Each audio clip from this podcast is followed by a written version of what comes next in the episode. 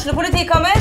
Ine Jansen er purk. Er du purk? The motherfucking bitch. Alt jeg vil, er å finne ut hva som skjedde med mannen min. Jon Carew. Er jeg sikta for noe? Iben Akeli. Det er du. Ole So, Lars Berrum og Big Daddy Karsten. Hvem sin side er du på, egentlig? Anette Hoff, Tone Danielsen, Kommer du fra Afrika?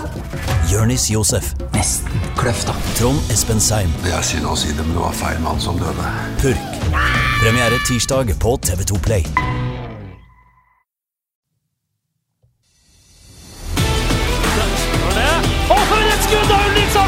Har du sett på baken, Ulrik Saltnes? Da ser det skåring, og så skårer Bodø-Glimt!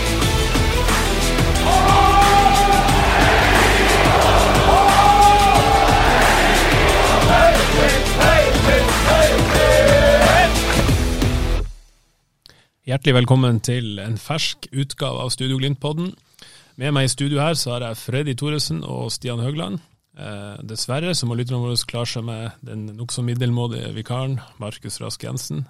Men Børre Arntzen er tilbake straks neste uke, så satser vi på at vi har skikkelig programledelse i stolen igjen. Eh, Det blir godt. Ja, gutta, dere får, eh, dere får leve med det her ei uke til. Klarer dere det? Ja, det klarer vi, og vi gleder oss, for du er så flink til å fyre oss opp og provosere oss litt, så det her har jeg trua på, Markus. Det kan jeg love deg. Vi får se hva vi får til.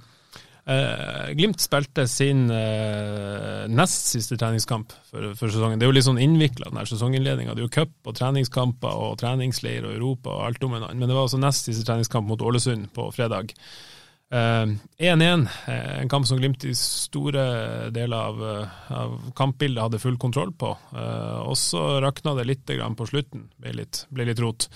Men eh, gutta, hva dere eh, fikk ut av de 90 minuttene? Nei, jeg syns eh, det var, altså det var litt typisk treningskamp, eh, føler jeg. Og, eh, Glimt ikke spesielt god for pause, så den har jo kontroll over kampen. Og de lille mulighetene som, som skapes, er det jo Bodø-Glimt som, som skaper. Og så i andre omgang så styrer de jo egentlig alt inntil de siste ti minuttene. Og da, da er det jo både Ålesund som får ta over, og ytre påvirkninger i en jeg jeg overdriver, sier jeg fra Narvik, en halvmeter snø ut på banen der, så vi så jo ikke linje eller noen ting. Så det um, ble litt spesiell den andre gangen etter hvert der, så snøen lava ned. Men um, like dårlig at man ikke En ting at man um, slipper Ålesund inn i kampen, men like dårlig at man ikke murer eller stenger igjen og sørger for at det ikke blir ei utligning. For det, det er viktig å vinne uansett. Ja, Freddy, hvilken følelse tror du Kjetil Knutsen sitter igjen med når det begynner å dra seg mot alvor både her og der?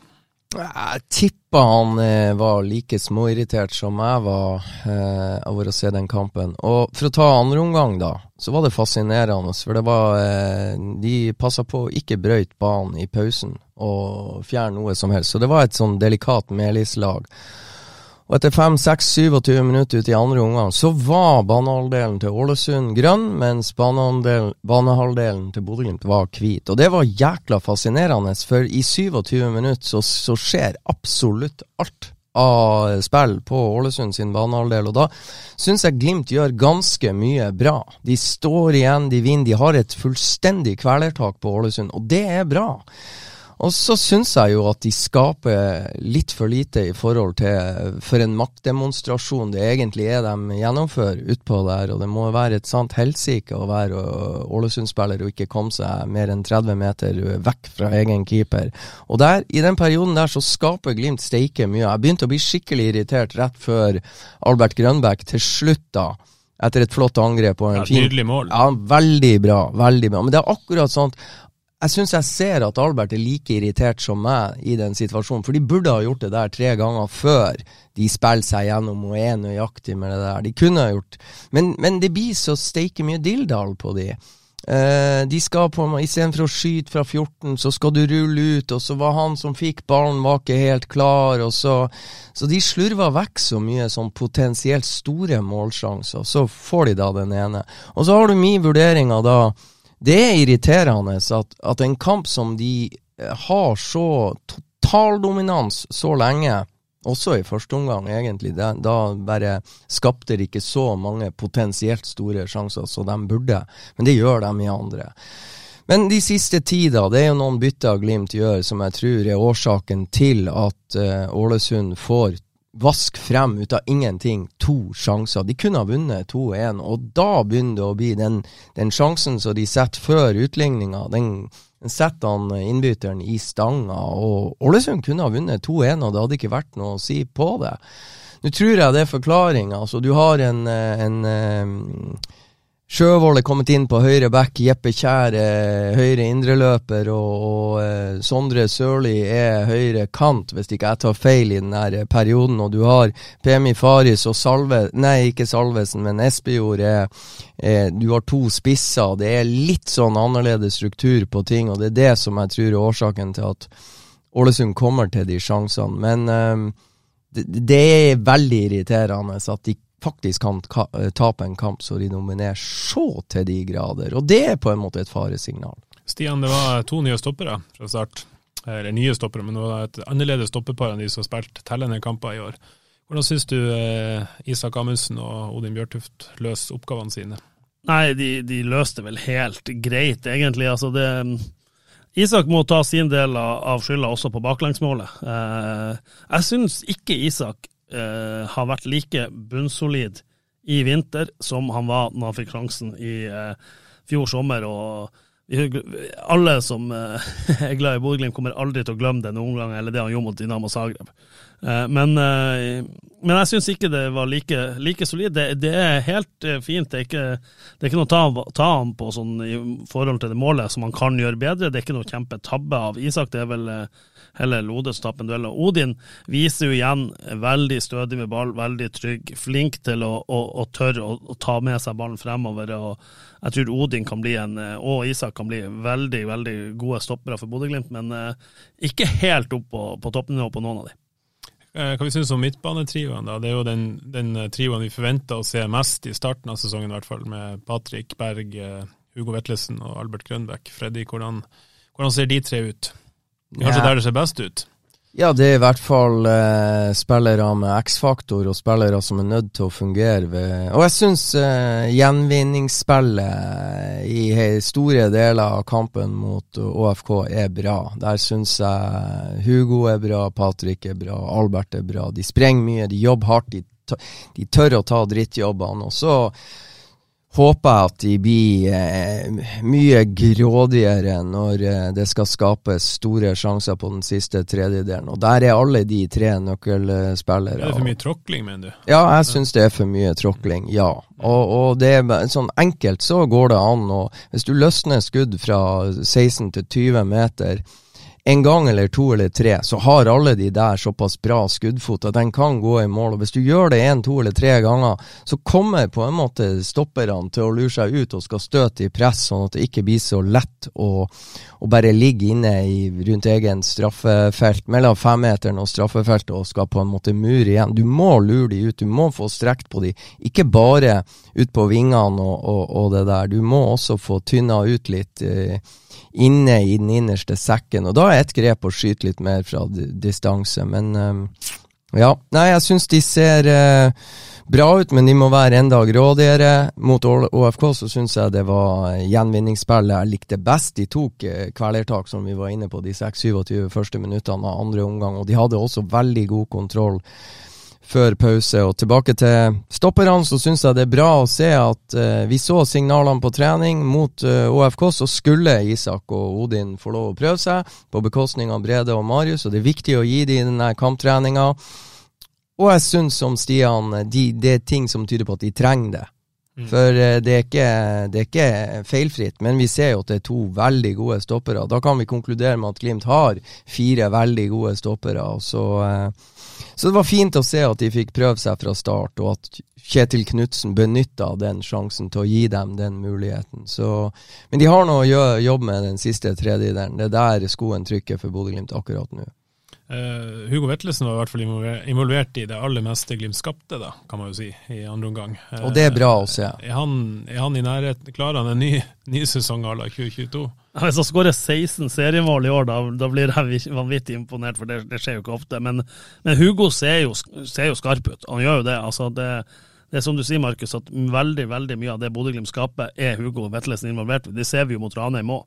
Skåring og to assist han har der. Så Ja, og det er to flotte assist. Ja, virkelig. Og, og det det ble jo et litt sånn omvendt heatmap, det Freddy snakka om de 26 minuttene med, med snøen som var, var borte på ene halvdelen eh, på Color Line. Men, og mye av det skjedde også da via Hugo. Eh, jeg tror ikke Hugo skårer 16 mål i år i serien. Jeg håper han eh, motbeviser det. Også, men at han ender på tosifra hvis, hvis han blir her hele sesongen, det er jeg ikke like sikker på. Så Kan jo hende at en annen kar som nærmer seg tosifra på andre indreløperen i år. det skal du ikke se bort fra. Hvis eh, Grønbæk fortsetter med, med det han holder på med. Ja, Grønbæk er bra, og Grønbæk er skapende. Og Grønbæk må lære seg til det enkle i Glimt-systemet. Altså når eh, bryter du ut av mønsteret og, og eh, dribler og er spektakulær, og når slipper du videre til rett mann på rett tid. Og, så, og der, eh, det jobber de jo med hver dag, og der har Albert en, eh, en vei å gå.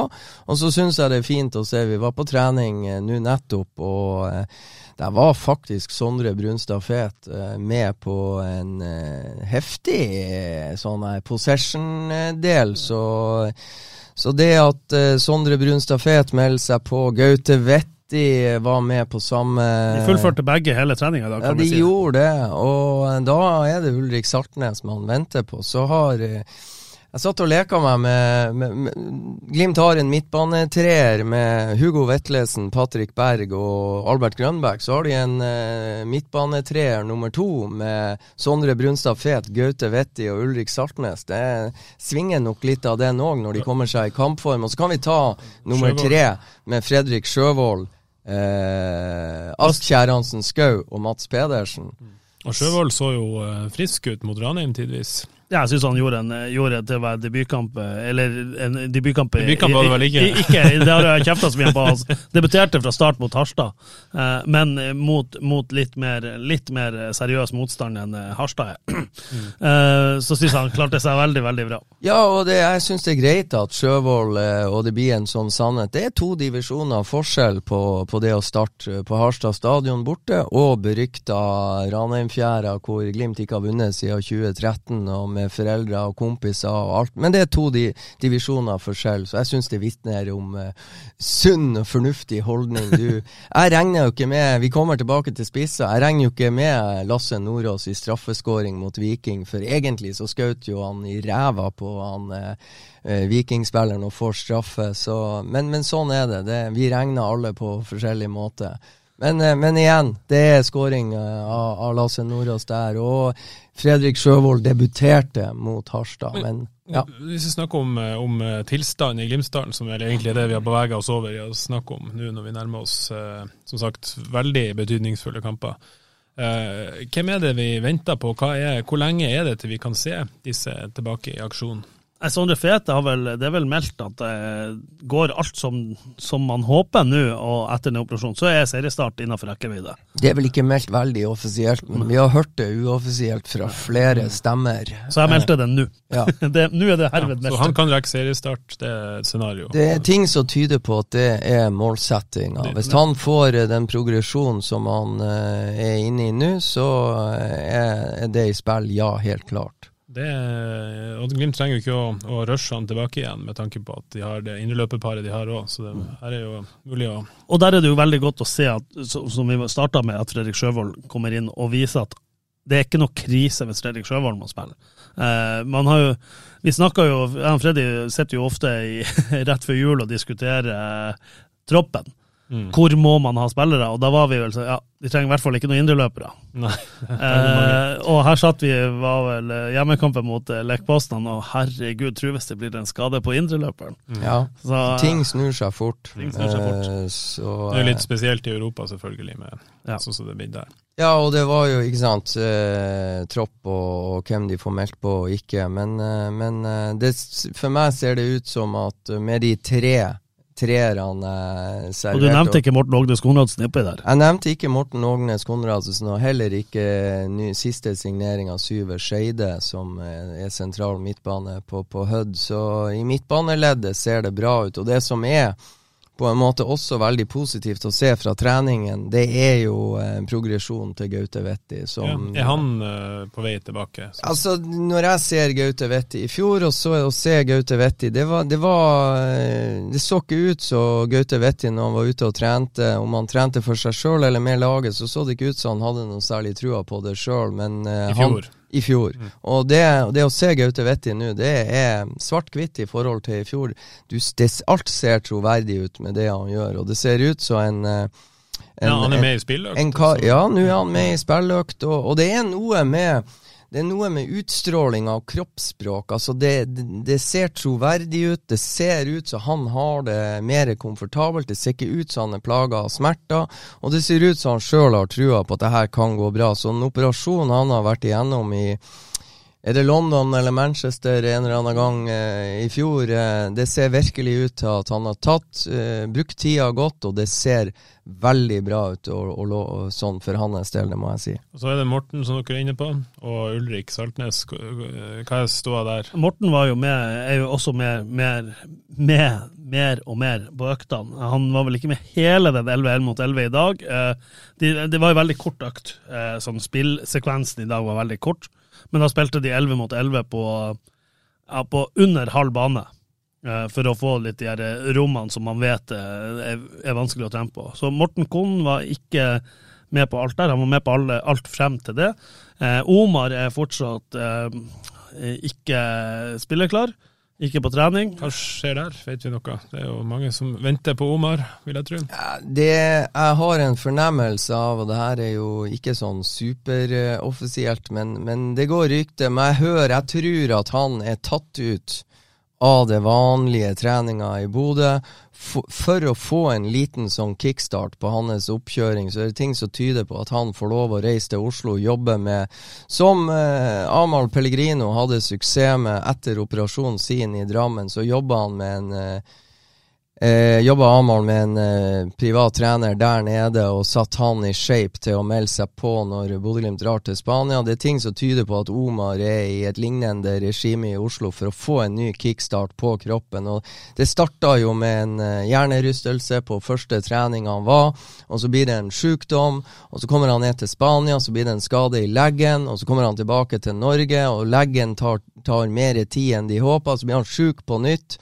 Så alt ble bare feil. Og for å bryte ut av det man er en del av, drar ned til Oslo, kickstarter, så kommer, man, eh, kommer han Få tilbake. være sammen med familien. Det, det må, altså Hvis han likevel ikke er i stand til å være med på spilldelene på Glimt-treningene, må være mye bedre at han får et eh, For det er noe som vi, vi har lært det, vi har ikke, vi har ikke vært mye sammen med Omar, eh, Omar så langt, men eh, noe man har skjønt, det er en gjennomført 100 profesjonell fyr. Han kommer ikke til å sluntre unna et sekund av trening i Oslo. Og Hvis han kan gjøre det med familien rundt seg og et, et stødig apparat rundt seg, så tror jeg det, det kan være er veldig veldig bra på, på sikt for Glimt. Ja, for de har ikke fått noe god start på den signeringa der, og nå prøver de noe. Nå røkker de ting opp ved rota, og så prøver de noe nytt. Men da vet vi egentlig ikke noe særlig om eh, hvordan Nei. tidsperspektivet er der. Glimt sier ganske lite om det, og, og Omar er som sagt ikke tilgjengelig, men eh, jeg tror vi har grunn til å mistenke det vi mistenker. Eh, og da spiller jo fotballens verden jo sånn at da er det Brisveen Mangomo som var, var sur og fornærma her i, eh, rundt årsskiftet, antageligvis pga. situasjonen sin her, og så, så er han plutselig førstevalg på høyre back likevel. Ja, det, og, og han har jo løst det bra. Uh, kommer jo i bedre og bedre form. Han har jo selvfølgelig trengt tid, også han, etter operasjonen operasjon etter sesongslutt. og ja, Rovdrifta man må vel kunne innrømme at det ble på Brisveen Bangomo utover i sesongen i fjor. for eh, Han har vel aldri spilt mer enn hva vi fant ut, 28 kamper eller 31 kamper på en sesong. I fjor spilte han eh, 51 eller noe sånt, så det, det er klart at det, og på mye kortere tidsrom enn man bruker å gjøre det. Så, så det er ikke tvil om at eh, Bris, eh, Bris trengte en restart også han, og, og ser bra ut og, og kommer til å bli enda bedre. Jeg tror også det at Bris forlater banen mot Ålesund, Bris og Hugo, den høyresida der, og det jerngrepet Glimt hadde på FK, jeg tror også det er en av grunnene. Det at Bris forlater, Hugo forlater banen, er en av forklaringene på at Ålesund da de siste ti For da er det strengt tatt ikke eh, sånn her eh, eh, de, de som ligger lengst frem i køen. Det er ikke Sondre Brunstad Fet eller Omar El Abdelaue som kommer inn og tar plassene her. Det, det er andre konstellasjoner. Med en type Jeppe Kjær som beviser at han trenger litt mer tid på å tilpasse den nye hverdagen, både i treningsregimet til Glimt og systemet og alle kravene begge veier. Eh, og så har Glimt også en Ulrik Saltnes, kaptein. Eh, kan vi få en oppdatering der? Hva, hva tror man der om tilbakekomst? Nei, jeg har ikke noe dato eller sånn. Hver gang jeg spør Ulrik er du klar til det, sier jeg nei, jeg fokuserer ikke på noe dato. Han skal bare gjøre jobben hver dag. Okay. Ok, Men han er ikke i Men, men han er stad, stadig, Jo, stadig, jeg skulle si, stadig mer med. Ikke vært noe på, på, på spilldeler, men jeg har sett han, på, han er ute med fotballsko og slår i hvert fall pasninger. Kommet kommet så langt, men det er vel litt, litt igjen, Freddy. Ja, og det er der som på en måte Vi tør å si det vi sier om Sondre Brunstad Fet og Gaute Vetti, for de er ute på banen, og vi kan gjøre en vurdering av hva vi ser. Og så er det Ulrik Saltnes da, som foreløpig er mye i katakombene under Aspmyra. Når de er de siste uka, har jo Glimt trent en del i Nordlandshallen, og da er Ulrik Saltnes nede på Aspmyra og holder på med sitt. Så det er litt eh, det er litt vanskeligere å, å, å være tydelig på Ulrik Saltnes, og han har jo bestemt seg for å ikke komme med noen som helst spådommer. Men jeg tenker at plutselig så er han bare ute og viser seg frem, og når han gjør det, så kan ting gå fort. Og det har det i hvert fall, eh, er hvert fall tilfellet vært med Sondre Brunstad Fet.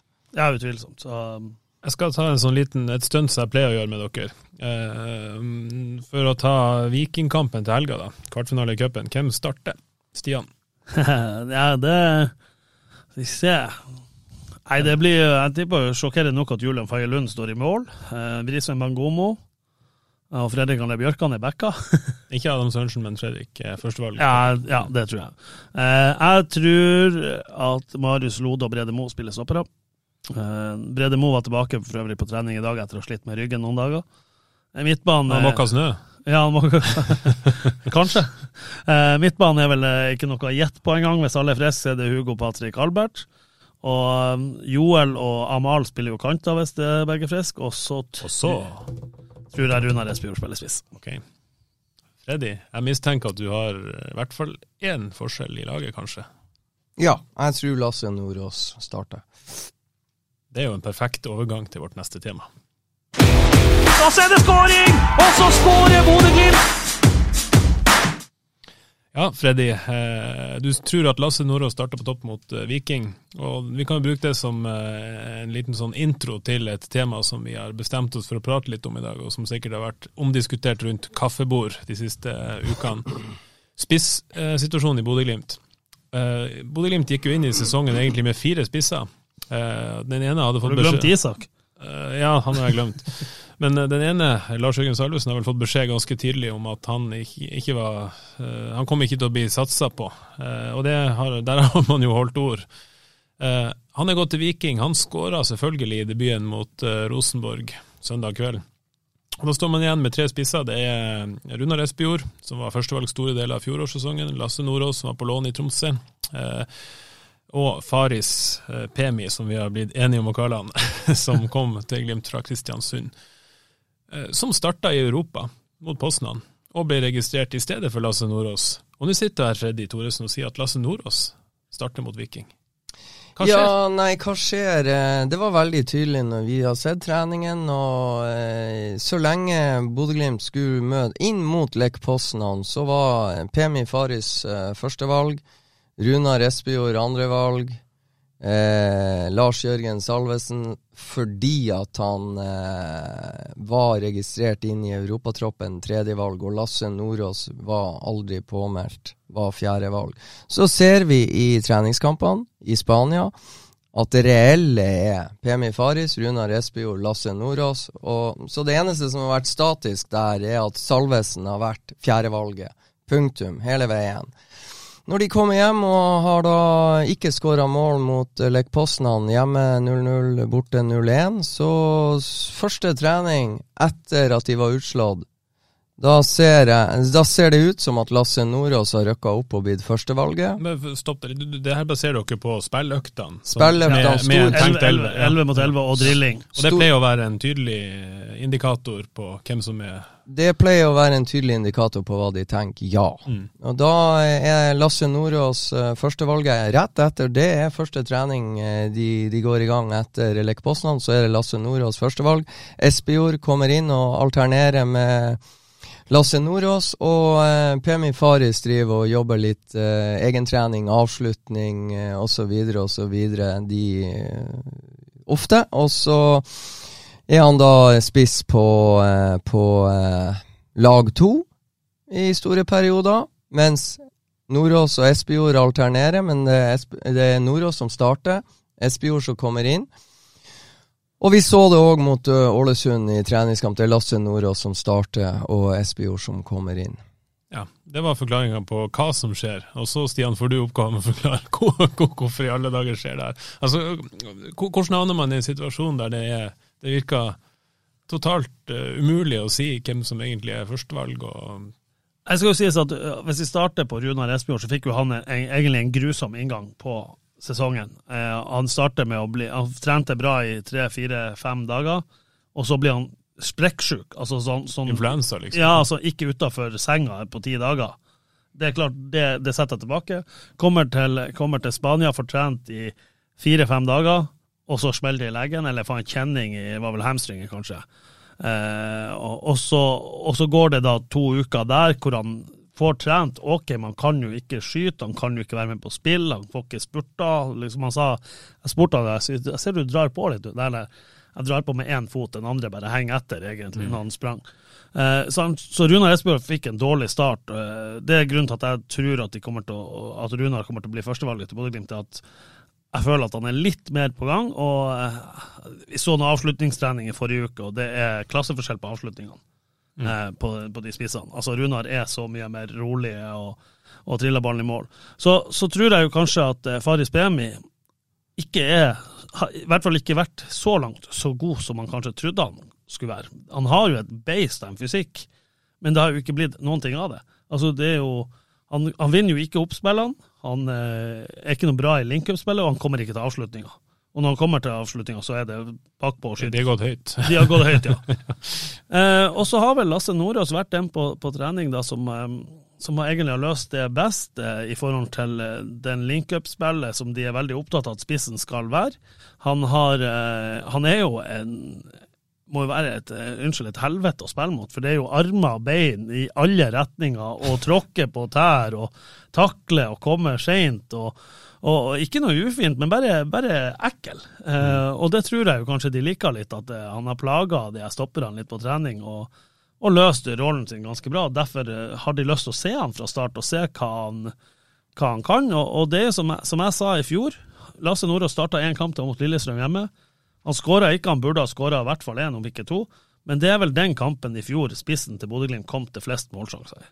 Og du ser det noen ganger han spiller mot Ålesund òg. Han er ikke noe kjempegod. Men hvis du ser på høydepunktene i pausen, hvem er det som er på nærheten på alle avslutninger? Jo, det er Lasse Nordås. Så han er flink og kom til sjanser, så har han ikke foreløpig det genet at han triller de i mål hver gang. Nei, det er bra observert og bra resonnert av, av Stian, og det der eh, Det er på en måte Jeg har sjekka med et par av midtstopperne i Bodø-Glimt, og de bekrefter at han, han er At han tråkka de på tærne? Nei, han er ganske Han er megaguffen å spille mot, og det går på størrelse, det går på innsats, det går på vilje til å gjøre drittjobb. Han regelrett plager vettet av Det er noe, en måte de blir mørna på, som vi også så eh, OFK-stopperne hadde trøbbel med. Det er helt rett, han er involvert i steike mye.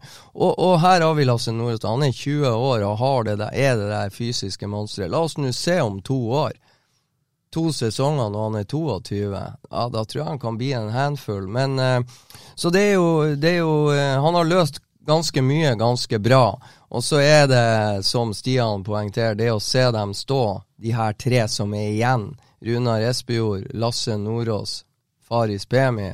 Avslutningstrening i forskjellige vanskelighetsgrader. Da er det klasseforskjell. Runar Espejord er desidert best. Og så må det sies at De siste, siste uka egentlig, så har de jobba ekstremt mye med nettopp dette, avslutninga. Faris Bemi har vært tatt ut av spillsekvenser hvor ha stått med oss på Bjørkan og fått servert ballen på, på, på, på 7-8 meter og skal score og score og score. Og, score på, på, og, og sånn her trening som, som jeg tipper, Markus, hvis du trener sønnen din på sju år, ja, så gjør dere akkurat det samme. Trill ballen på et gjenlegg på femmeteren. Sett han i mål. Selvtillit. Selvtillit. Og så vet jeg han der som har havna i Viking og, Ja. og ja. skåra i debuten. Han har spurt om han kan, da han var Glimt-spiller, om han kunne få være med på den avslutningstreninga. Da var beskjeden at han har så bra avslutningsteknikk at han trenger ikke. Ja. Men, det altså, Men- men det du er peker jo på noe er interessant, Fredrik. det, ja, det ikke sant. Det er jo en grunn til at jeg sier det. Det er en mann som, som jeg har vært fjerdevalg hele veien. Og jeg velger å tro han på det, for er det noe han har, så er det avslutningsteknikk. Den er jo bra. Men gutta, vi må dvele litt ved det her òg. For det handler jo både om spillerlogistikk og prioriteringer underveis, og europacupregistrering, og det er jo ikke rett fram der. Men det som er helt klart, er jo at du er én spiss i Bodø-Glimt som har satt ballen i mål i åpent spill i 2023, i en kamp. Og han er i Stavanger og gjorde det samme i søndag kveld. Ja. Eh, altså, hva, hva, er- det, for, for dere som ser det i hverdag, hva er det man har sett som gjør, gjør at man er så sikker på at Lars Jørgen Salvesen, han må ut, men de tre andre har vi klokketro på? Det må jo være noe som, er, som ikke vises da i, i, i, nødvendigvis i de Ja, det der, er, det der er jo merkelig. Og for å si det sånn, altså, Glimt har snakka en del om at de skal styrke scoutinga osv. osv. Det som Man kan jo stille seg litt spørsmålstegn, for at eh, 27. juli, eh, da Linfield kom på besøk til Bodø og tapte 8-0, da ble jo Lars Jørgen Salvesen presentert med brask og bram. Og, og, og fire måneder senere så har på en måte Bodø-Glimt konkludert med at dette var katta i sekken. Vi eh, skal ha noe annet, vi trenger noe annet, pass ikke inn. Og det er klart, eh, det at, at Lars Jørgen Salvesen ikke passer inn i Bodø-Glimt, det skulle jeg ønske at Bodø-Glimt etter hvert i sommeren 2022 var så bra på scouting at dette kunne de på en måte forutse før de kjøpte han kjøpte har de det. Det er jo ikke noe det. impulskjøp, det er jo Nei. flere år her. Da Og det var en forholdsvis eh, robust signering økonomisk sett. Eh, det er blitt eh, sagt mellom 12 og 15, og, og jeg tipper jo at eh, det er eh, Altså, så heavy eh, trenger det ikke være. Altså 15 millioner det, det er vel 15 millioner kunne det ha blitt hvis han har pælma inn 50 skåringer for Bodø-Glimt eh, i løpet av én eller fire kamper. Så, men de betalte voksen pris for å få han, og de bruker som sagt fire måneder på å finne ut at dette er katta i sekken, og derfor får han den beskjeden. det det mener Bodø-Glimt. Opplagt. ja, men altså, de må, de må jo det, i og med at han får en telefon før Mm. jul eh, 2022 om at eh, vi tror det er best at du finner deg en ny klubb, Mm. og at Bodø-Glimt, ved å se Pemi Faris i en av de siste kampene, eller Faris Pemi, her hjemme på Aspmyra mot uh, Kristiansund, det vi så, både jeg og Stian, i den kampen der, var at han kom alene med keeper to-tre ganger, og bakroms, er bakromstrussel og har fart, og skårer ikke mål. Det så vi jo. Men Glimt, det, det er en ung gutt på 22 år fra Kamerun, og, og Glimt valgte å signere han. Det var jo spekulasjoner om det her lenge. Og de valgte han som, eh, som sitt sikreste kort i eh, de nøkkelkampene mot Poznan. Og da blir, på en måte med fasit i hånd med Lars Jørgen Salvesen, så håper jeg scoutinga rundt eh, Faris Pemi er bedre enn den var på Lars Jørgen Salvesen. Jeg gjør det. At ikke vi kommer om fire-fem måneder, så skal de også kvitte seg med han. Stian, Jeg, jeg, jeg, jeg tror at hadde Runar Espejord ikke hatt den oppkjøringa som jeg var med, eller nevnte i sted, så er jeg ganske sikker på at Runar Espejord hadde starta mot Lech Poznan. Mm. Men jeg må få spørre han Freddy om noe. Om Faris Pemi. For du var jo ganske tydelig på at dette er en nullrisikosignering for Bodø-Glimt, eh, og at dette var no-brainer å, å kjøpe han. Er du like sikker på det nå? Ja, for altså, det er to ting. Eh, er det, det Sånn som Bodø-Glimt opererer nå, så eh, er det å kjempe i toppen av Eliteserien osv. osv. Spille seg inn i Europa. Sportslig suksess. Signeringa Altså, Salvesen, la oss nå tippe da 10-12 millioner for å få han. Da er risikoen, hvis du ikke lykkes, mye større. Pemi Faris 4 millioner. Og i det øyeblikk han har tatt på seg den gule drakta, selv om han ikke har skåret i det hele tatt, så er, så er verdien dobla.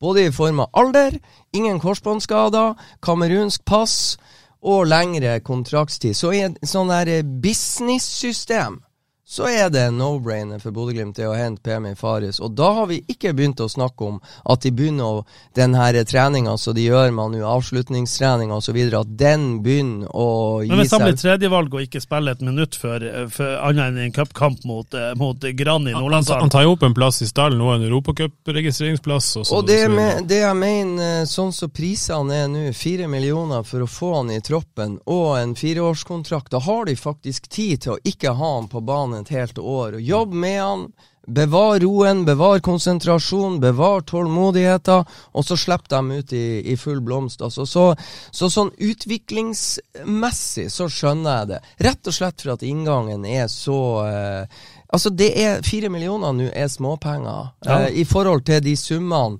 Altså, Se på Odd som skal ha 15 millioner for en keeper som slipper inn fire mål på 26 minutter i cupen for, for Odd mot Sandefjord. Han er jo ikke i nærheten av ballen engang. Jeg priser meg bare lykkelig over at det aldri ble noe av den signeringa der. Og jeg er så frekk at jeg har vært og sett Odd i treningskamp mot Ørn Horten for å følge med han svensken som ikke ville til Bodø. Og jeg har sett han mot Sarpsborg. Ja, Jeg er bare superglad at han ikke ble Glimt-spiller. Jeg gleder meg til sommeren når Freddy skal sitte og forklare hvorfor det er nullrisikosinering å hente Leopold Valstedt fordi han har videresalgsverdi.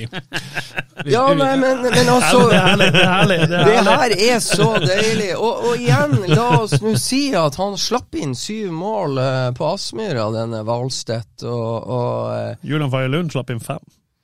Ja, men han spilte ikke for Odd. Og, Men, men gutta, scouting det er, jo et, det er jo et tema du tar opp der som er opplagt. Vi er nødt til å stille noen spørsmål når de ender opp i den spissituasjonen de gjør. Eh, De har også fulgt Runar Espejord i mange år. Og selv om Runar har vært forferdelig uheldig med inngangen til årets preseason, så var det noen som skrev på et eller annet Glimt-forum her at man må jo være allergisk mot preseason. For han begynner jo hver eneste sesong sånn. Av en eller annen årsak. Hvor god har scoutinga vært på Runar Espejord, og hvor trygg er man på at han er liksom the one når uh, ja, Salvesen fikk fire jeg, måneder? jeg tror jo alle ser altså Runar Espejord Hvis han Hvis han knekker koder, hvis han er villig til å investere det som må til for å få potensialet forløst For altså for å ta en av de kampene, Bodø-Glimt PSV Eindhoven eh, på Aspmyra. Det er vel den siste kampen i gruppespillet i Europa League i fjor. Da er, da er da hadde jeg en liten prat med Runar Espejord mens han Stian står Han står og venter på at Stian skal bli ferdig og intervjue Ulrik Saltnes, tror jeg. Og Da drister jeg meg til noen ord med, med Runar mens han sto og venta. Han sier at han har aldri Han har ikke vært i så god form fysisk som han er nå siden 2015. Det er syv år. Så det er klart, eh, Runar Espejord har knekt noen koder, og, og eh, han ble Altså Den høsten til Runar Espejord er bra, og det er bare å gå og se statistikken. Jeg vet ikke om Stian har det, han har en PC her. så han, Jeg tror han skåra 14 mål eller noe sånt for Bodø-Glimt. og Han har aldri vært i nærheten. Aldri vært i nærheten for Tromsø. Og han kom aldri i form i, i Heerenveen eh, pga. av diverse skader og skavanker osv. Så, videre, og så, videre. så Så eh, Men i fjor sommer så var jo Glimt usikker nok på om Runar Espejord var eh, det, dette funnet på plass til at de kjøpte Lars Jørgen Sarnes. Da kjøpte de. Og så er ikke sant, det er kult, men vi skal ikke undervurdere det faktum om hvor steike skøy det er mer eller mindre gratis å hente eh, Tromsøs store sønn og få han til å lykkes i helgult på Aspmyra. Bare det å gjøre det er jo Og, og, og, og for å skape dårlig nattesøvn oppe i Tromsø er jo verdt er jo verdt det, det stuntet der. Men så er det jo det der å håpe. Altså, hvis han på en måte er villig til å investere det som skal til, og bli en del av den kulturen eh, de har bygd opp her på Aspmyra, så er det klart, og, og, og så er oppsida så enorm. Og, og det tror jeg de ser. Så hva du har funnet ut? Nei, nå har jeg regna litt på, for det var, her var jo en, en i Glimt som satte meg på sporet. Mm? Um, vi hyller jo Erik Botheim for sesongen hans i Bodø-Glimt i 2021. Fantastisk. Og nå nå snakker jeg kun i serie, ikke, ikke cup eller noen ting. Erik Botheim spilte 2639 minutter for Bodø-Glimt i Eliteserien i 2021. Han hadde eh, 18 målpoeng, 15 mål, 3 assist. Det er målpoeng hvert 146. minutt cirka. Runar Espejord spilte 1572 minutter for Bodø-Glimt i serien. Han hadde 15 målpoeng, 12 skåringer, 3 assist.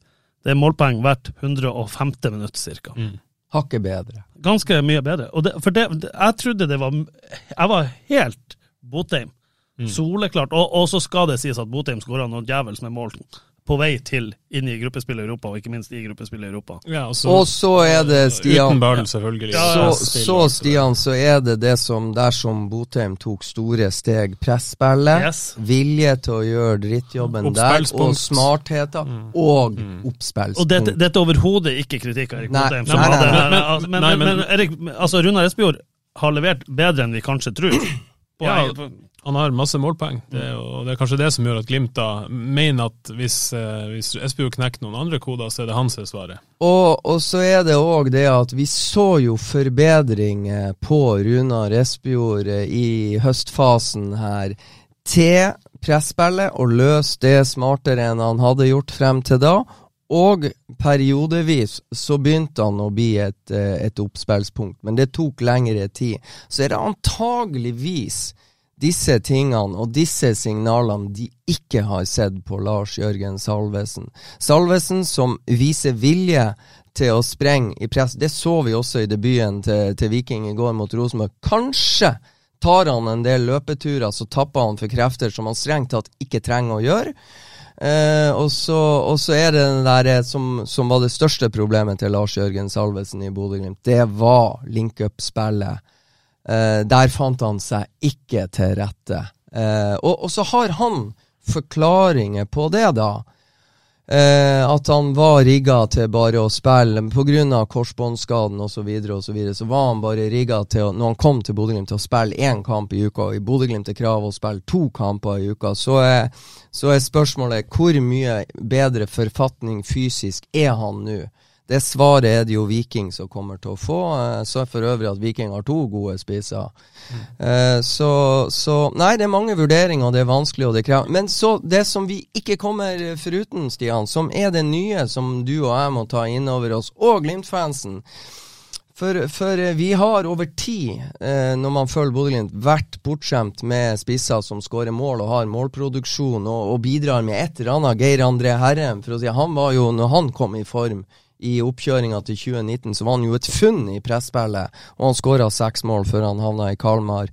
Men Glimt har hatt over ti spisser som har skåra. Jeg tror utfordringa nå, som er nytt for oss å ta inn over oss, de tre man har, har altså på ti, ni eller ti kamper så står de til sammen med ei skåring, og det er straffeskåringa til Lasse Nordås. Første kamp i Spania mot Viking.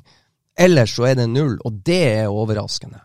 Og, og det er spørsmålstegn på forskjellige måter ved alle sammen, egentlig. Enten det er fysisk forfatning, eller eh, det, det er målpoeng, eller det er relasjonsspill. Altså det, det er ingen sånn soleklare enere, og Glimt har jo hatt litt av en bukett, tenk nå. Ja, Fiti Masemi, Ibba, eh, du nevner Geir André Herrem, som kanskje er det, i gåsida det svakeste kortet. Eh, Undervurdert. Undervurdert, ja. Glimt gikk vel fra å ligge lavt og være kontringslag til å kunne presse høyt da han ble satt inn på topp, i stedet for Christian Opseth som hamra inn mål. Sant? Ja. Altså, det har vært Sørloth har vært innom her, det har vært en rekke med spisser. Og nå har kanskje ikke Glimt den ene, altså den spydspissen som man bare tenker at det her er Han banka inn det har vært alle, vært alle muligheter å ta og, og, og legge en klam hånd rundt en spissplass og si at den er min i vinter. Mm, ja, nettopp. Eh, Både for Runar, både for Faris Bemi, Lasse Nordås og Mm. eh, ja, Lars Jørgen fikk ikke all verden, han fikk en halvtime der eh, på slutten mot Viking. han skårte vel fire mot Junkeren, da. Ja. Uh, regner ikke helt den der, men, men, men, men, ja, han Det var det. andre som gjorde det. Det var ingen andre som gjorde det, og, og, og du, har den, du har også den Han, han fikk en halvtime mot Viking, det er vel egentlig det han fikk som, som var en reell sjanse. Eh, eh, Absolutt, og det, det er det der. Jeg syns det er et godt poeng. Det er ingen av spissene som har gitt krystallklar beskjed til trenerne om at den plassen er min, og det er ti kamper hvis vi tar med Junkeren de har hatt og vise dette på, fra, eh, fra sesongoppkjøringa starta til treningskampen mot Ålesund. Jeg mener det er ti kamper. Men hvem gjør det, hvis dere må peke ut en av de tre? Hvem Runar? Espejord kommer til å gjøre det. jeg tror også Runar Espejord blir Glimt sin eh, beste spiss i 2023. Men ikke mot Viking på lørdag, Freddy. Jeg tror eh, mot Viking på lørdag, så tror jeg Lasse Nordås skal få Og er det én ting jeg, Altså, la nå Lasse Nordås gå. De stopperne til David Brekalo og han der Gianni Stensnes, de har eh, vært ufine og brutale mot Glimt-spillere før. Og jeg tror at Lasse Nordås er den som kommer til å være mest ufin mot de to. Så Derfor tror jeg han starter. Så holder han helsike med dem til en 55-60 minutter og bereder grunn til Runa Resbjord som kommer inn og, og, gjør som han gjorde mot Lillestrøm i kvartfinalen i fjor, og i hvert fall skårer ett mål. Jeg er faktisk helt enig med deg, Freddy, så jeg håper ditt laguttak er riktig. Og så skal ikke jeg si hva det står i fotballens lover at kommer til å skje på lørdag når Lars Jørgen Salvesen kommer tilbake til Bodø. Nei, det, det, det, vil jo, det, vil jo, være merkelig hvis han ikke skåra mot eh, Glimt. Men han skåra vel ikke mot Godset eh, for Glimt, så det kan, kan jo håpe at han ikke er en sånn der eh, så færre å skåre mot andre. Nå holder finne, Der fant jeg noe tre av banken, det er derfor det er litt lyd der. Og for et skudd av Ulrik Saltnes! Har du sett på baken, Ulrik Saltnes? Det er fortsatt uh, mulig å gjøre justeringer i troppen. Nå har vi gått gjennom både spissplassen i, i, detalj og i resten av troppen. Men uh, vi, vi, kan jo spørre dere som, som har øyne og ører på Aspmyra. Uh, hva tror dere skjer overgangsmessig før, før det stenger for godt her? kommer det en keeper? Jeg tror at Sigurd Kvile forsvinner på et eller annet tidspunkt. Jeg tror Lukas Kuber Eh, og kanskje en til lånes ut. Det er det, det, jeg tror eh, skjer ut. Kjetil har jo vært tydelig, var jo tydelig på intervjuet når eh, Salvesen forsvant, at det blir flere som skal ut. Eh, og den keeperen må inn. Det er ikke noe, det er banna bein. altså Nå begynner det å bli eh, Men de har vel snudd, kanskje snudd fokus fra skal ha en soleklar utfordrer til Julian Faye Lund, til at de skal ha en keeper. Altså, det var jo De, de jakta jo En med hender, liksom? Ja. eh, altså, de jakta jo en førstekeeper, egentlig. Det, det har vist seg at det er vanskelig å finne, og mm. det markedet er ikke noe enklere nå. Sånn, eh, sånn eh, på slutten av sesongen rundt omkring i Europa.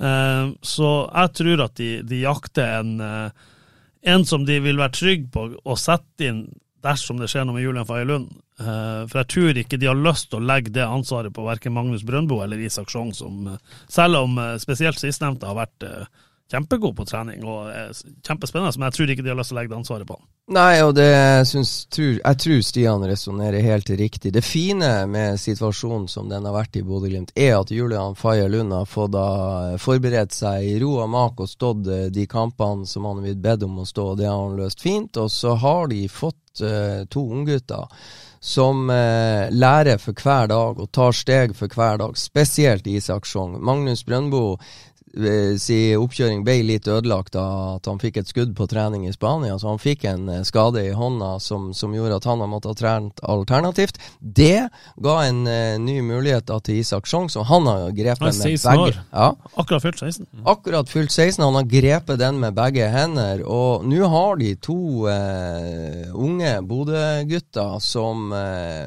som de stortrives med på trening. Men jeg tror, som Stian sier, at, at hvis det skulle bli en skade på Faye, og, og, de guttene må inn i serie og cup osv., så, videre, og så, videre. så så er det kanskje ikke helt riktig. De kunne ha, så ha sittet Magnus Brøndbo i en eliteseriekamp på Aspmyra og Isak Sjong i en eliteseriekamp på Aspmyra, men å stå med ansvar i eventuelt to måneder, det er risikosport. Så derfor tror jeg de kommer til å hente en keeper. Men hvordan har de tatt nivået, de her ungguttene? Og hvor, hvor, eh, hvordan, hvordan, tror dere trenerteamet har vurdert måten de har tatt nivået på til nå? Jeg tenker at uh ofte så ser vi i treninga når det kommer unggutter som sliter med å tilpasse seg nivået, så er det sånn det laget den unggutten er på, taper hver eneste trening.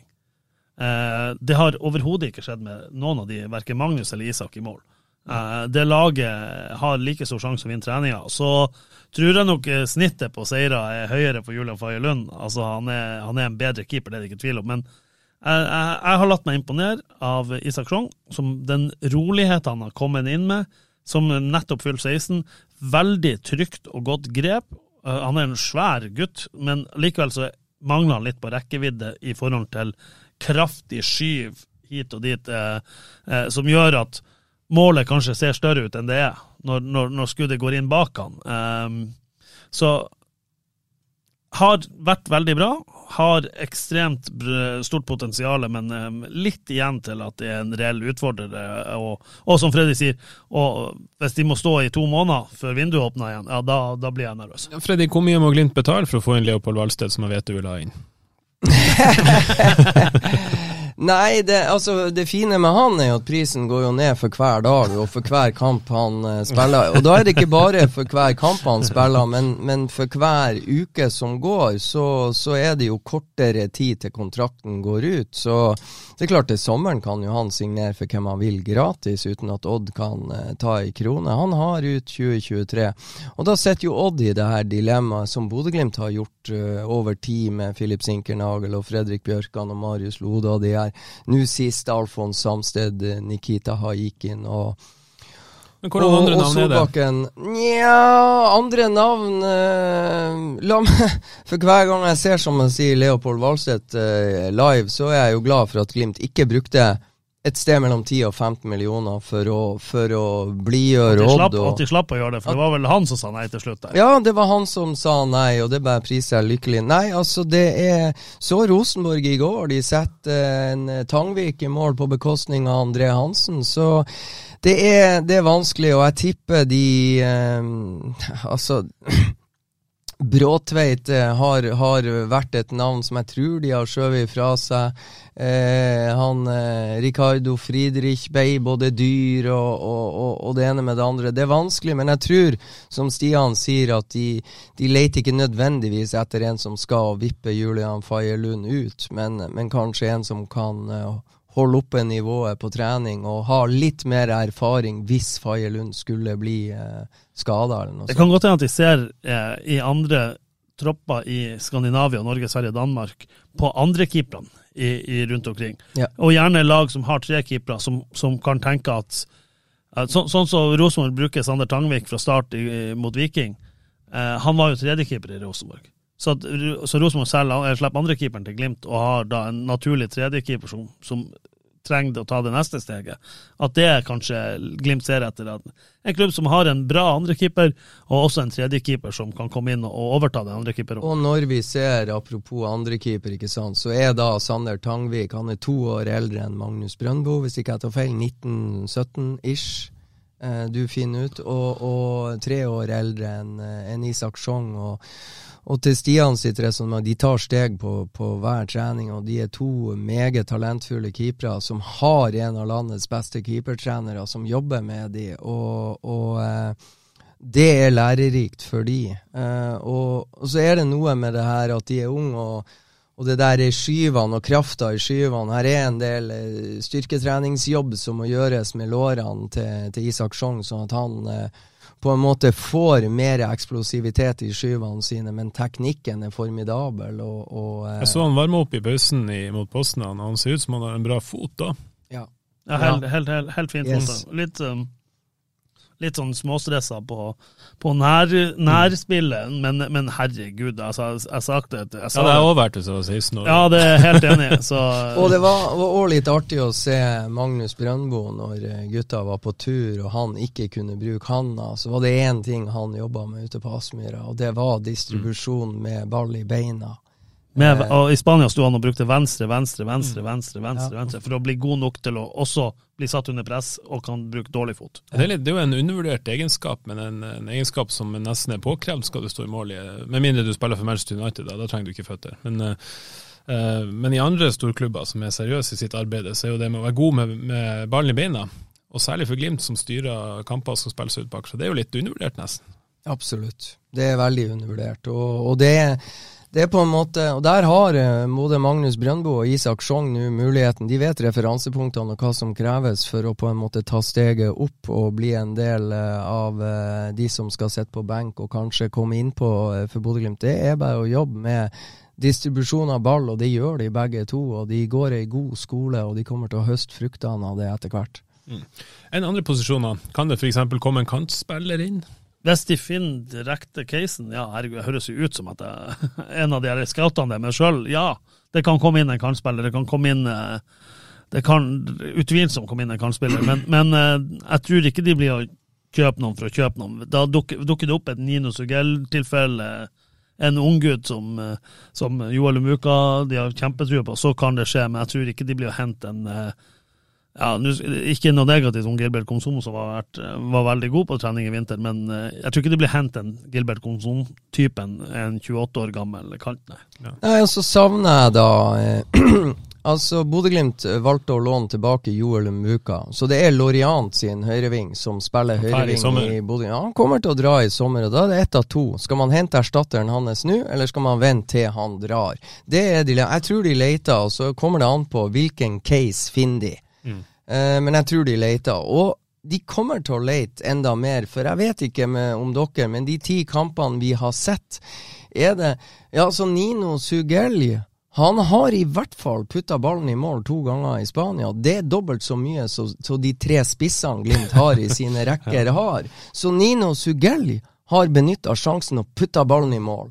Og det gjorde han jo i fjor høst, mot Det- PSV. Det gjorde han i fjor høst mot PSV, og, og nå tror jeg det er Nå kan han Stian hjelpe meg, men, men jeg tror Nino Ugelli De har på en måte fulgt med på det han har gjort etter at han kom til Bodø-Glimt, og de har nok en liten mistanke om, eh, om en eller annen Altså, ja, altså, altså de, de, de, det var noen spørsmål i Glimt om Nino Ugelli om han restitu- De har ikke fått han til å restituere godt nok. Mm. Altså, de har følt at han kommer på trening holdt på å si, på mandag etter en hvileperiode og er veldig fresh. Så er det mindre og mindre og mindre og mindre utover uka. Så der tror jeg altså de, de veldig De vil jo ikke snakke veldig mye om, om personlig helse, og, og det skal jo vi være forsiktige men jeg vet at det ble gjort tester. Eh, eh, og jeg fikk beskjed da jeg spurte ja, har har han astma. Jeg tror du blir å se noe annet om tre uker. Okay. Altså Du vil se en bedring om tre Mm. uker. Og det er vel eh, fra en som har testa en del astmamedisin sjøl, så vet jeg jo at det er ca. tre uker det skal gå før du merker forskjellen. Så Som Ventolin. ja. Det, det, Nei, så, så der er et eller annet, men han har i hvert fall vist eh, signaler om at eh, Eller evner eh, i kamp, i treningskampene i Spania, som jeg sier, putta to ganger. Én mot Wiborg og én mot Silkeborg, vel. Det er gode danske lag. Mens til sammenligning spissene ikke har skåra.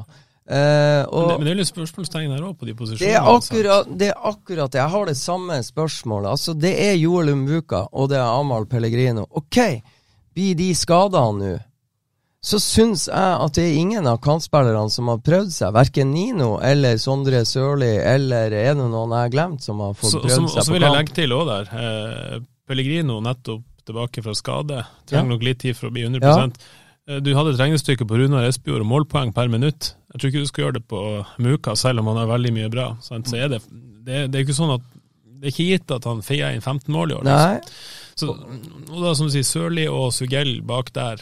Og så Ja, jeg må, for, det, for det vet jeg jo og har diskutert på Aspmyra også.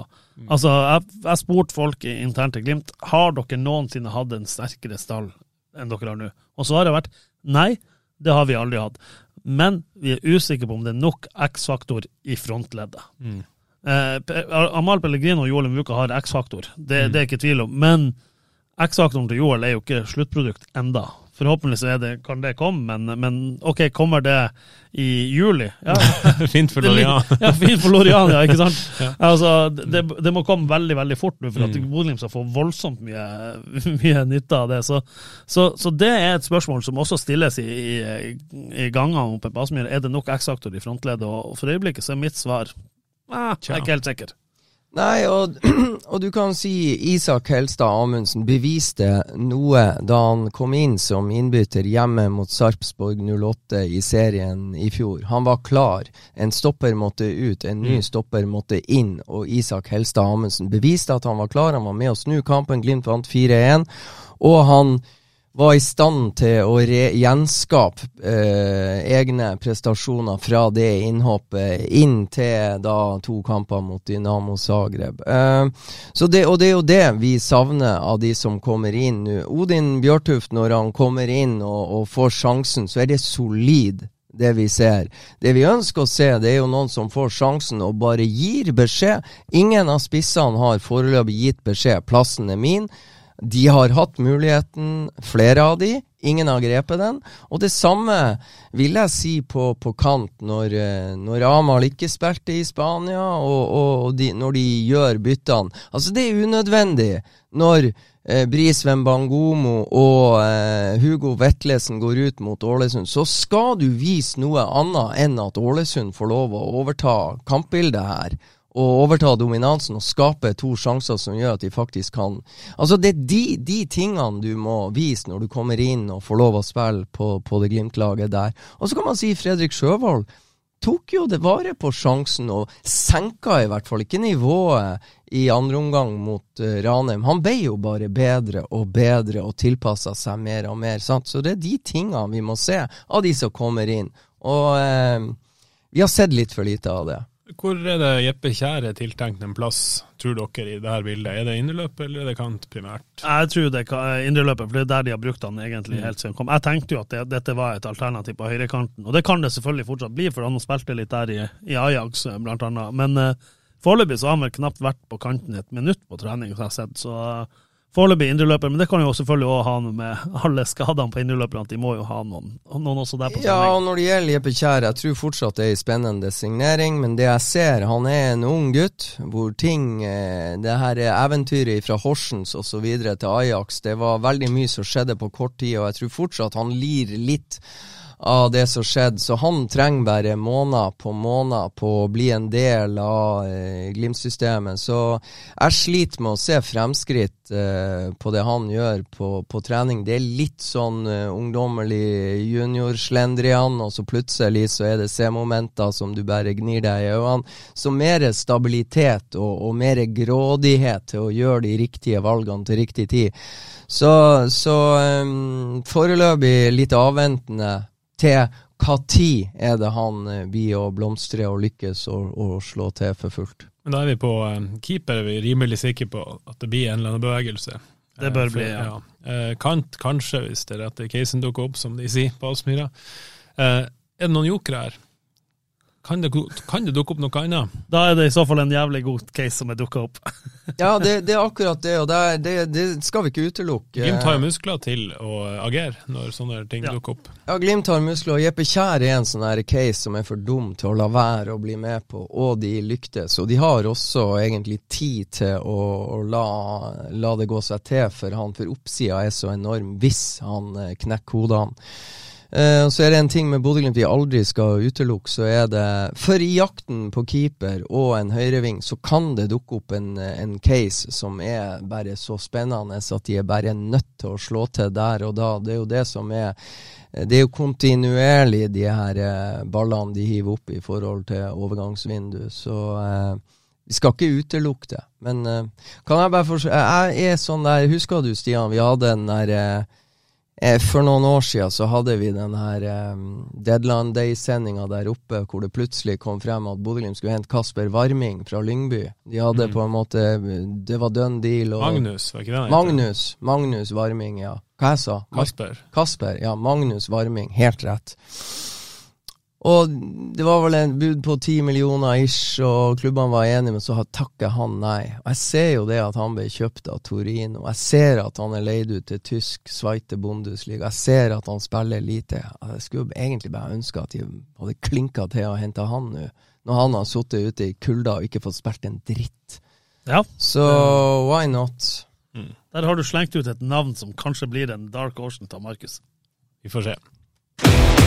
Så er det skåring! Og så skårer Bodø-Glimt! Freddy, det skjer jo noe i helga som ikke skjer så fryktelig ofte eh, i Bodø-Glimt. Selv om vi begynner å bli godt vant. Det skjedde jo nesten det samme i fjor, da. Men Bodø-Glimt møter Viking, kvartfinale i, eh, i cupen. Ja, de gjør det, og det er jo Det er kvartfinale i cupen, og det er mandag, og det er solskinn, og det er fint vær. Det var et helsikes uh, snøfall i, og kaos i Bodø sist helg, og jeg vet ikke, Stian, for å få banen kampklar, så må de vel uh, begynne å gjøre diverse forberedelser allerede nå? Lars Børre Vangen, som er jokersigneringa til Bodø-Glimt. ja. ja, da, det. Uh, ja, der er det jo sånn at det, det, er, jo, det, er, jo, litt sånn, det er jo litt strengere regler av hva du har lov å gjøre. Det er jo ikke bare å brøyte vekk alt dette gummien, som er granulatet, som det heter. Som, eh, så de skal jo egentlig smelte på banen, så det er jo også en litt sånn utfordring i forhold til det. Men eh, Jeg ser det også det er meldt eh, mer snø, så det kan jo bli, bli gøy der. Men uh, Aspmyra kommer til å være spilleklar på lørdag, og det kommer til å bli en, en ganske kul ramme rundt den kampen, tror jeg. Så det er ikke, det, det er ikke der eh, min bekymring er. Nei, men altså, de er jo nødt til å mokke litt snø på tribunen. Ja. Diverse tribuner hvis de har folk. Det har jo vist seg at interessen for Bodø-Glimt er forholdsvis stor uansett, og kvartfinale i cupen. Og vi skal, ikke, vi skal ikke lenger tilbake enn til det første eh, skikkelige storhetstida da Bodø-Glimt tok Fotball-Norge med storm og slo ut Viking 2-1 hjemme på Aspmyra i en kvartfinale i 1975, som fortsatt vel er publikumsrekorden i nord. Så eh, Glimt har tradisjoner i cupen, og Glimt har tradisjoner mot Viking i cupen. Og i fjor var det vel semifinale hjemme på Aspmyra, og Gilbert Komson ble matchvinner og sendte den siste cuphelten til Bodø-Glimt, som sendte Bodø-Glimt til Ullevål. Så ja, og så har vi jo da Lars Jørgen Salvesen som tirsdag blir solgt fra Bodø-Glimt til Viking, og selvfølgelig åtte minutter ut i debuten så hamrer han inn 2-0-målet til Viking, som gjør at Viking får lov å ta turen til Bodø til lørdag, på lørdag for å få revansje for semifinaletapet i fjor. Her er mange pussige, underfundige, mystiske poenger med den kampen der. Jeg skal fortsette å banke der eh, treplata under her for, eh, med Lars Jørgen. altså. Ja. Må gjerne skåre tre mål, men da må Glimt skåre fire. Jeg blir helt sjokkert hvis ikke Lars Jørgen Salvesen skårer mot Bodø-Glimt i helga. Ja, Det fine er at uh, Glimt-stopperne er jo ganske slu. De har fire stykk. Vi får se hvem det er som slipper til fra start. Uh, de eh, har jo eh, i hvert fall lært seg et par sånne småting og triks på hvordan de kan eh, snakke eh, Lars Jørgen litt ukonsentrert underveis i, i oppgjøret. Så det blir kjempeinteressant. Men det er jo ikke så ofte at Glimt eh, Glimt, Glimt pleier jo ikke å holde seg med kvartfinale i cupen heller.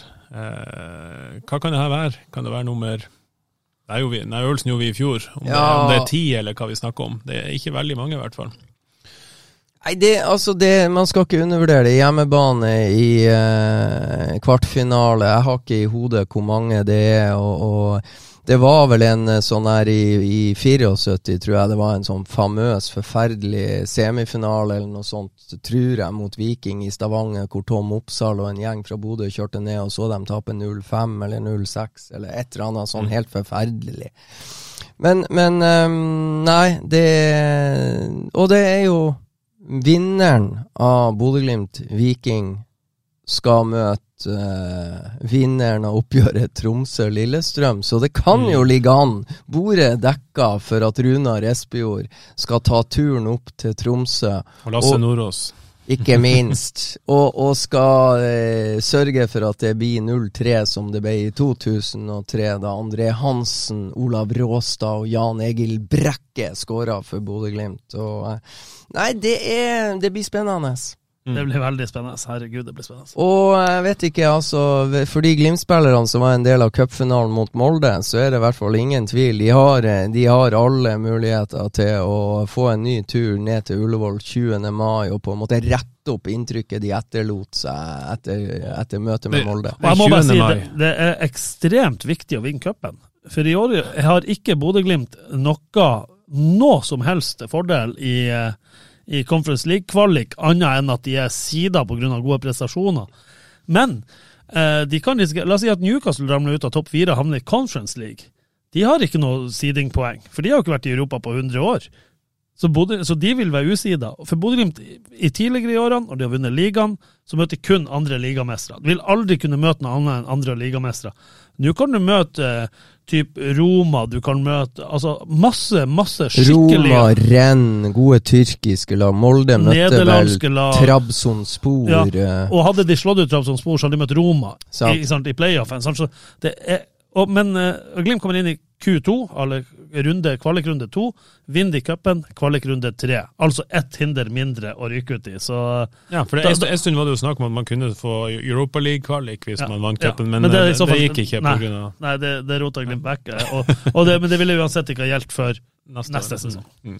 ja, det, det er et kjempegodt poeng. Det, det er veldig mye. Det er ikke Så det er ren- sommerens kvalik, faktisk. Det er sommerens kvalik vi snakker om nå. Cupmester, ja.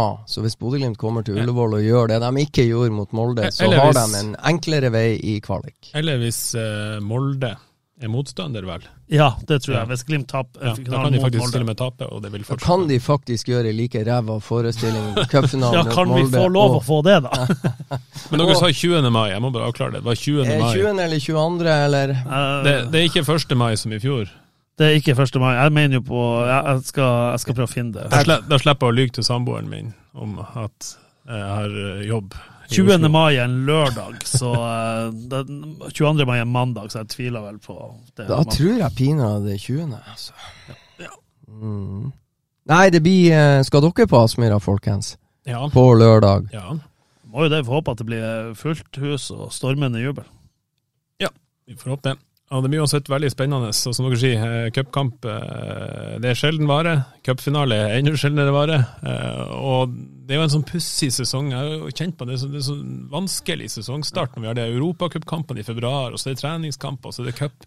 Men nå begynner det jo nesten, og jeg skal ikke si at det er våres, men Jeg, jeg lurer på om ironien er at det er cupfinale på Ullevål, og fire dager senere er det første runde i cupen 2023. Jeg tror det er Det noe sånt også som er litt sånn vittig.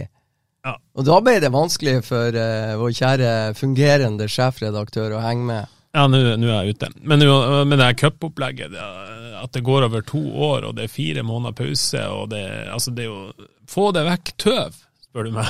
Tøv. Vil Nei, men det er jo det var, Jeg så nå NRK hadde sending, og, og det var jo klare meninger, og, og der satt de jo og der, var jo inntrykket som levna at uh, der, der er det ja, Ifølge NRK og ekspertene der, så er det hurra breddefotballen og drit i topping, og det er Gud forby, la det være bredda det folk vil ha. Men det her er jo noe som er etterlevninger av, av covid og så videre og så videre, og sørge for at det ikke kommer et opphold så er det jo eh, veldig, veldig veldig mange som fortsatt ønsker å ha eh, cupfinalen i kulda på, på Ullevål og på høsten. Så det får de vel i år. Det er helt rett, Freddy som sier. Det er finale 20. mai og første runde 24. mai og andre runde 1. juni. Og Kan jeg få vite når er cupfinalen 10. desember. 10. desember. Ja. 10. desember, sant? Og, og hvis Bodø-Glimt går til gruppespillet i Conference League i år, så er siste eh, gruppespillskamp eh, torsdag 14. desember. Så det kan bli, eh, kan bli en lang høst. Det Det fine, det fine med Bodø som by, at det er jo mer snø i mars enn det er i desember, som regel. Så eh, bordet er jo dekka for nydelige forhold for publikum og fanteri og så videre og så Ja, videre. men en av dere får ta i beskjed til Brede Moe, Han skal ikke måke snø før, før, før helga. Den er god.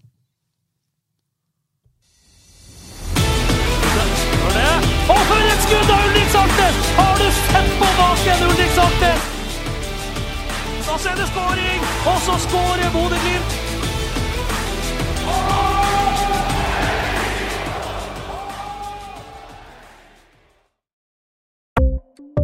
Ukens annonsør er HelloFresh. HelloFresh er verdens ledende matkasseleverandør og kan være redningen i en travel hverdag. Mange av oss har nok vandret i butikken både sultne og uten en plan for middagen, som ender med at vi går for de samme kjedelige rettene gang på gang. Middag burde være dagens høydepunkt. Som HelloFresh kan du nå velge mellom 25 ulike retter hver eneste uke, eller få HelloFresh til å sette sammen menyen for deg. Dette gir deg muligheten til å prøve nye og spennende retter alene eller sammen med familien. Du velger antall porsjoner og får alt levert på døren på et tidspunkt som passer for deg. Oppskriftene er enkle, og maten er lett å lage både for store og for små. Ved å få alt levert hjem får du også mer tid til å dele matgleden med familie og venner. Kanskje det frister med asiatiske tacos eller greskinspirert kylling? Da kan jeg anbefale deg om å gå inn på hellofresh.no. Her kan du bruke koden FOTBALL og få opptil 1779 kroner i rabatt på de første fem matkastene hvis du ikke har prøvd HelloFresh tidligere. Du kan også bruke rabatten hvis du har vært kunde og stoppet abonnementet ditt for tolv måneder siden eller lengre. Gå inn på hellofresh.no og bruk koden FOTBALL. Har du et enkeltpersonforetak eller en liten bedrift? Da er du sikkert lei av å høre meg snakke om hvor enkelt det er med kvitteringer og bilag i fiken, så vi eh, gir oss her, vi. Fordi vi liker enkelt. Fiken superenkelt regnskap.